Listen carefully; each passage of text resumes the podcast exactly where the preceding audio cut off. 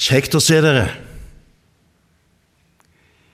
Kjekt å se at salen, selv med denne oppstilling, nesten fylles opp. Jeg håper du føler det slik, du også, at det er godt å være her.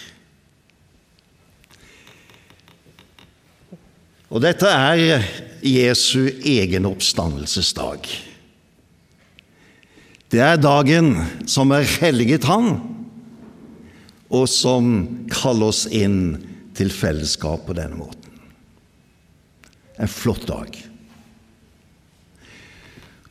Og vi ber deg, Herre Jesus, du som er den oppstandende, kom oss i møte gjennom ditt ord. Levendegjør det ved Din Hellige Ånd. Berør våre hjerter, slik at vi merker at vi er i din nærhet. Amen. Det er unektelig en merkelig tid vi lever i. Aldri har noen av oss som iallfall i min alder og yngre opplevd slike begrensninger på den daglige livsførselen. I forhold til familie, venner, jobb, fritid så må vi begrense oss. Og slike begrensninger altså virker også da inn på den kristne forsamling. Det er avstand mellom oss. Det er bare 200 som kan samles, osv. Og jeg må si, hva gjør så disse begrensningene med vårt åndelige liv? Det er et spørsmål som har kommet til meg mange ganger i løpet av denne perioden fra i mars frem til nå. Og hadde det vært av forfølgelse at vi hadde disse begrensningene, så tror jeg denne tid hadde vært med på å drive oss inn i en åndelig renselse. Det hadde gjort noe med vårt åndelige liv. Og så lurer jeg på hva gjør det med oss nå? Hvilke virkninger har det på oss hittil, og sannsynligvis en god tid fremover? Jeg vet ikke om du har stilt deg det spørsmålet, men det har kommet til meg gjentatte ganger, og det er fordi at jeg vet at min falne natur er skrøpelig. Kjødet er skrøpelig. Ånden kan være villig, men det er krefter omkring meg som vil bruke denne tid slik at det blir åndelig fattigdom. Og Derfor har jeg spurt hva gjør det med forsamlingen? Hva gjør det med det oppdrag som forsamlingen har fått i den verden og den tid vi lever i?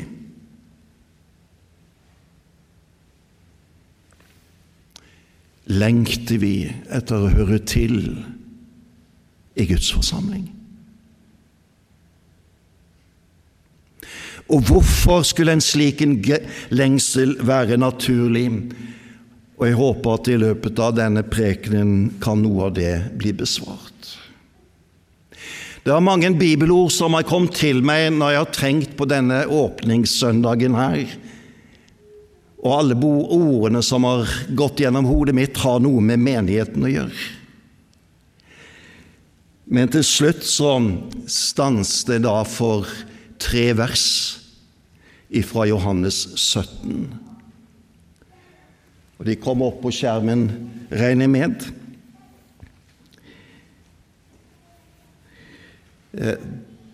Og disse tre versene, korte, men meget fortetta. I Jesu navn. Hellige dem i sannheten. Ditt ord er sannhet. Som du har sendt meg til verden, har jeg sendt dem til verden. Jeg helliger meg for dem, så også de skal helliges i sannheten. Og Med dette utgangspunkt vil jeg si noe om hva det innebærer å være sendt til verden.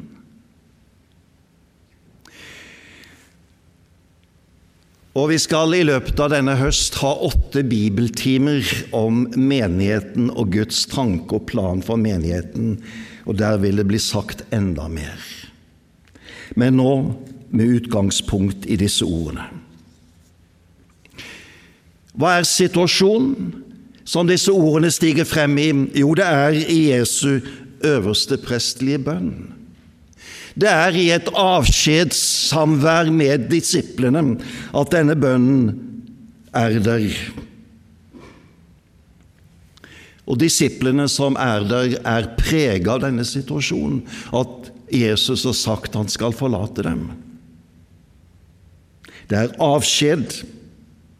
Og Samtidig har Jesus konsentrert seg i denne avskjeden med disiplene og understreke hvilket oppdrag og hvilken utfordring de står overfor. Og de har vært igjennom vel tre et halvt års læretid ved det at de har vandret sammen med Jesus.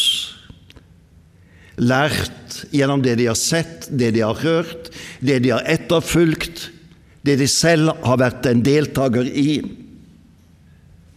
Men nå står de altså overfor en sluttfase på denne opplæringstiden. De står fremfor Jesu død, hans oppstandelse og himmelfart, som alt var nødvendig for at Jesus skulle fullføre sin frelsesgjerning. Det disiplene hadde vært med på, det skulle prege deres tanke og deres overbevisning. Og deres erfaringsliv. Det skulle på en måte gripe om hele personligheten. Ikke bare tanken, ikke bare følelsene, men alt ved meg.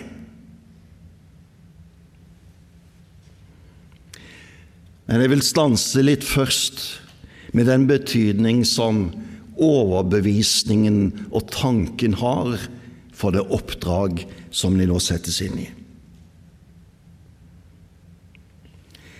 Disiplenes kall, deres tjeneste, deres utrustning og deres etterfølgelse av Jesus var avhengig av at de visste hvem han var.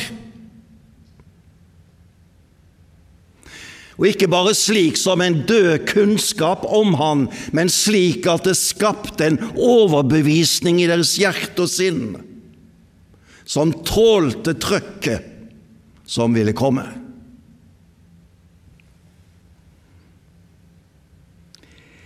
Og skulle de formulere et budskap, så var de avhengig av at budskapet hadde et innhold. Og hvilket innhold? Da var det snakk om hva de hadde sett, hva de hadde hørt, hva de hadde erfart. Og det hele samler seg i dette ordet sannheten. Med stor S. Og Derfor ser vi hva Jesus ber om. Han ber om 'hellige dem' i sannheten. Det foreligger en åpenbaring fra Gud. Og midt i sentrum av denne åpenbaring står Jesus Kristus. Hans liv, hans gjerning, alt det som skjer omkring ham, alt det han sier. Og så ber Jesus om at denne sannhet som er åpenbart i ham, at den skal bli tilgjengelig for disiplene. At de må bli helliget i sannheten. Hva betyr det? Å bli helliget betyr å bli utskilt. Til et enestående møte med Gud. For helligheten finnes der hvor Gud er, og ingen andre steder. Og når Jesus da ber hellige dem i sannheten, så ber han om la deres sinn og tanken bli utskilt ifra alt det andre på en slik måte at det blir konsentrert om den åpenbaring som finner sted i Jesus Kristus. Det er snakk om en mentalitetsforvandling. For disiplene i utgangspunktet var opptatt av det de kunne forstå, det de tenkte ut ifra sin oppdragelse. Og nå bes de om å stige ut av sitt eget og inn i det som er Guds nærhet slik at sannheten kan møte dem.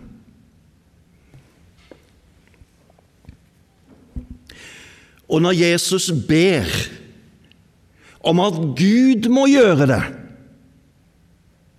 så sier han samtidig at denne helliggjørelsen er ikke noe du kan ta deg til og bestemme deg for, som om du hadde krefter i deg selv til å kunne gjøre det.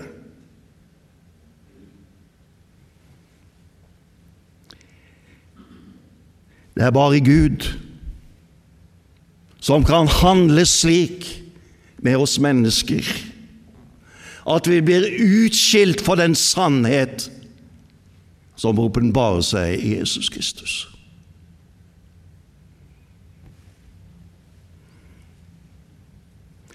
Det er Gud som må handle med disiplene for at de skal kunne gå inn i det oppdrag som Han gir dem med det budskap og det innhold som oppdraget fylles av.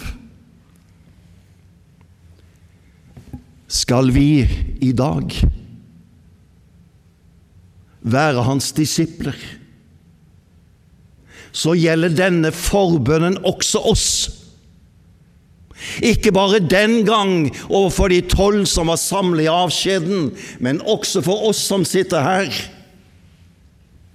om å bli helliget i den sannhet som åpenbarer seg i Jesus Kristus. For at det skal skje, må Gud handle med oss. Så er spørsmålet hvordan handler så Gud? Hvordan kommer en i berøring av denne hellighetens nærvær? Og hva sier denne teksten, dette konsentrerte uttrykket? Hellige dem i sannheten, for ditt ord er sannhet. Når Gud derfor handler med deg, så taler Han til deg. Så åpenbarer Han seg for deg gjennom ordet som lyder inn til din tanke, til din forstand, til det som du bærer av forestillinger. Ordet er ikke et mystisk et eller annet uforståelig. Gud handler ikke på den måten. Gud taler slik at vi vet hva Han sier til oss, og hva det har av betydning.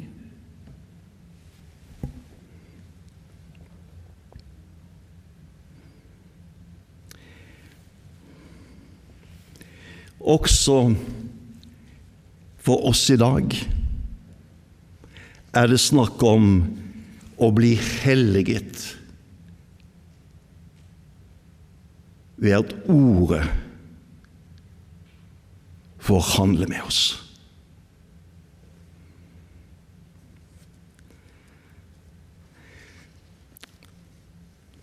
Også vi må fanges inn av det budskap som ordet bærer av. Vi lever i en tid hvor det flyter over av ord. Det har aldri vært en tid i menneskeslektens historie hvor ordet har vært så tilgjengelig, og som møter oss i så mange kanaler, som i den tid vi lever i.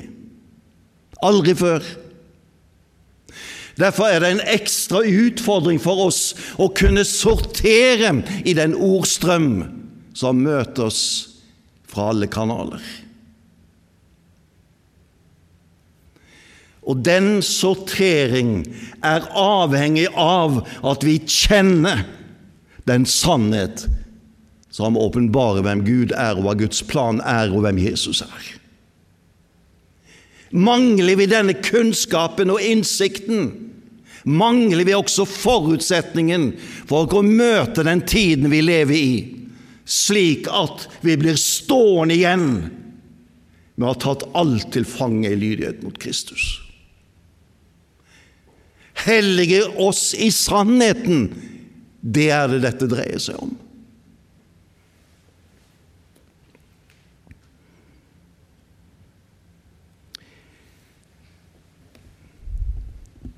Hva er så kjerneinnholdet i denne sannhetsåpenbaring?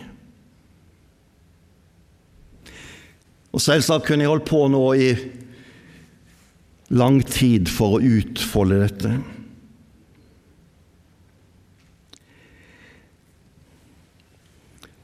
Men jeg konsentrerer meg om fire knagger. Kort gjenfortalt og gjenkjent.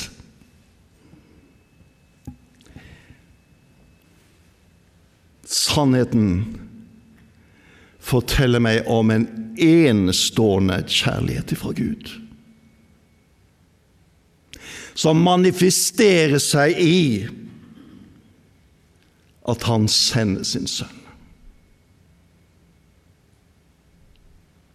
For så høyt har Gud elsket verden at han gav sin sønn. Så hele sannheten springer ut ifra Guds hjerte, som blør i kjærlighet til mennesker til denne verden, til dette skaperverk.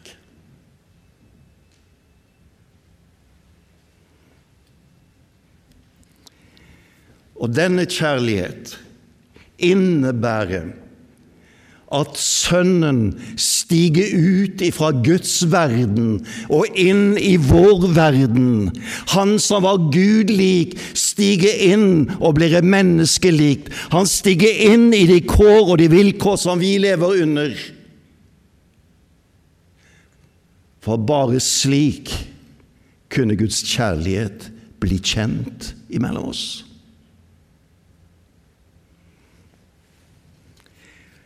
Han sendte sin sønn til verden. Og siktemålet Det er det tredje punktet. Siktemålet med denne Guds kjærlighetsaksjon er å frelse mennesker ifra syndens skyld fra syndens makt, ifra all den destruksjon som er i det falne skaperverket, for til slutt å gjenreise alt. Det er hensikten, det er siktemålet. Og bare, og det er det siste punktet i denne kunnskapsknaggene, bare igjennom denne kjærlighetsaksjonen kunne menneskene bli berga. Bare denne ene veien var det mulig å vinne frelse. Vi lever i en tid hvor det flyter over av tilbud, både på det ene og det andre, i mange slags utgaver og religioner. Men det er bare én vei og én sannhet, og den er Jesus Kristus. Det er gjennom Han menneskene blir frelst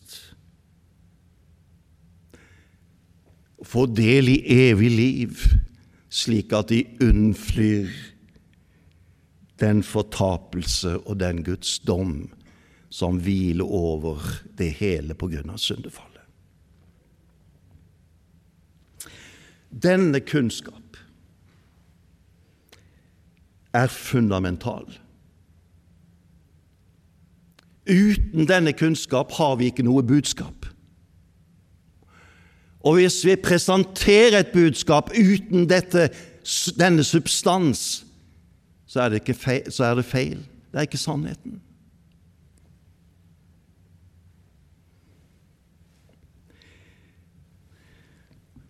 Og når Jesus da har bedt for dem, og i vers 18 sier som du har sendt meg til verden, så forflytter han seg over til disiplene.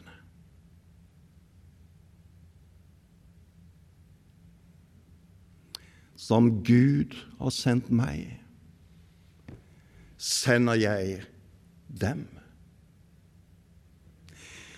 Så løfter han altså disiplene inn i en handlingsrekke som begynner i Guds hjerte, åpenbarer seg i Jesus Kristus og spres ut fordi disiplene sendes til verden med budskapet om den sannhet, om Jesus Kristus. Siktemålet med Guds forsamling er å gjøre Kristus kjent i verden. De kjenner han ikke på forhånd. Det er ikke en innsikt de er født med. Og mye av det som er omkring som kunnskapsbrokker, greier ikke å fange inn hvem Jesus er, uten at den bibelske åpenbaring forteller oss hvem Jesus er.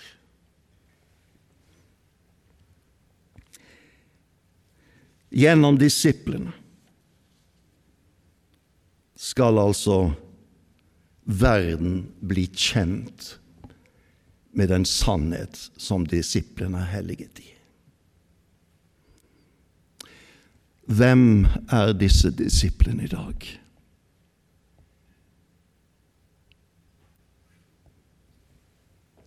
Hvem er det han sender i dag? Hvem er det som er utsendt i dag? Det er de han har kalt ut, og som i den greske språkbruk kalles eklesia, som betyr kalt ut, og som derfor er skilt ut ifra verden, og samtidig sendt til verden.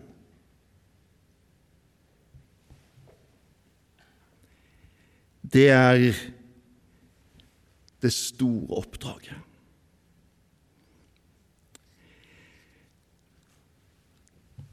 Alt det jeg har sagt hittil, har du hørt før.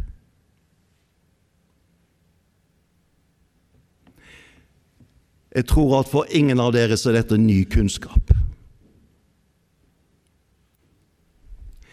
Men det går an til å bygge et kunnskapens hus og stå på utsiden.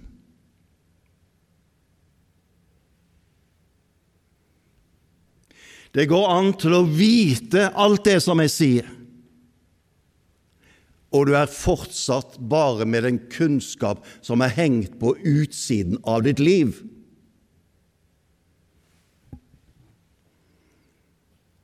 Det er en kunnskap som du bretter opp på søndagen og pakker ned på søndags ettermiddag. Det går an til å leve slik. Så spørsmålet er hvordan blir denne kunnskap en formende kraft i min egen personlighet? Slik at det former mitt liv. Da må jeg stige inn i dette kunnskapens hus. Og det er egentlig det Jesus sier mot slutten av de versene vi leste hvor han sier Jeg helliger meg for dem. Så også de skal helliges i sannheten. Blikket fra verden vender seg inn mot disiplene, og så sier han dette gjelder jo deg. Det er jo ditt liv jeg snakker om, og det er jo ditt liv som skal helliges i sannheten slik at språkbruken i disse tre versene endrer seg inn imot at dette blir personlig adressert.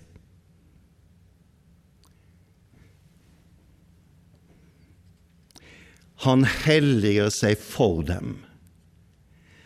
Og da viser Jesus til dem som han var kalt til å gjøre, og som fullføres i hans frelsesverk. Og så sier han altså Må dere bli helliget i denne sannhet. Må dere bli utskilt i denne sannhet.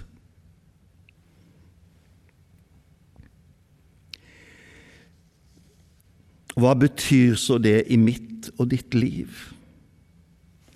At vi blir helliget i sannheten. Det betyr for det første at jeg selv bekjenner den sanne tilstand som jeg er i. At det er i sannheten om mitt liv. Jeg er rammet av syndefallets krefter. Jeg bærer på en syndig natur. Jeg kjenner krefter i mitt liv som står Gud imot.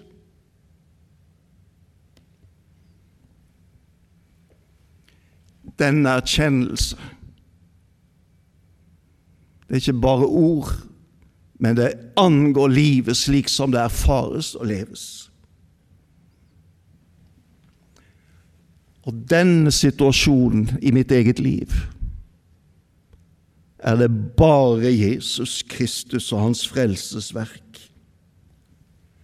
som kan berge meg fra. Og Derfor kalles enhver av oss inn til å bekjenne og erkjenne hvem vi er, og hva vi trenger av Hans nåde.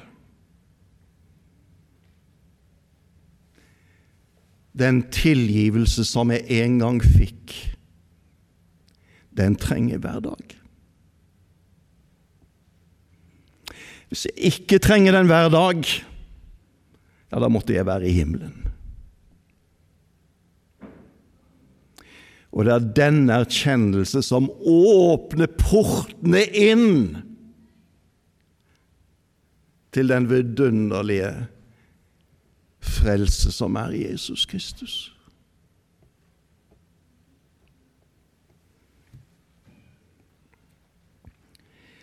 Da blir jeg helliget i Kristus få del i hans oppstandelsesliv, få være levendegjort med ham, og få ta del i det kall og det oppdrag som han har gitt alle sine disipler, inklusiv oss. På den måten får jeg være med og fullføre Guds kjærlighetsaksjon i verden.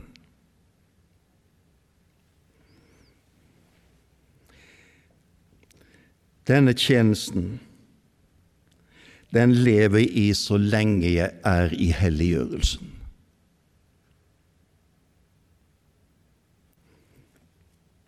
Ved at Gud får handle med meg, slik at sannheten vinner stadig seier i mitt liv. Imot de krefter som er i mitt sinn og min tankeverden, og i den verden som står Gud imot, som, lever, som jeg lever i.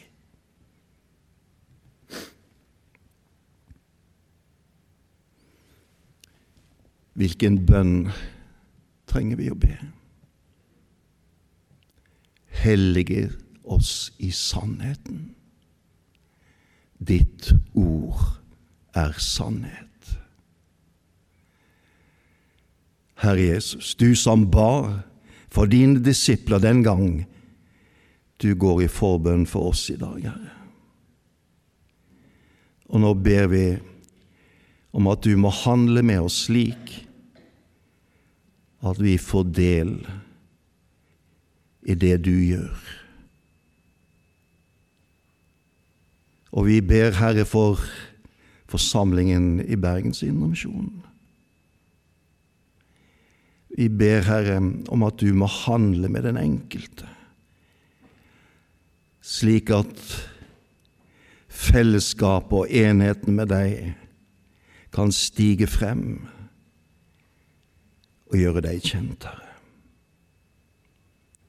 Utrust oss for denne tjeneste. Veiled oss for denne tjenesten. Kall oss på ny til denne tjenesten, slik at vi går, her. Amen.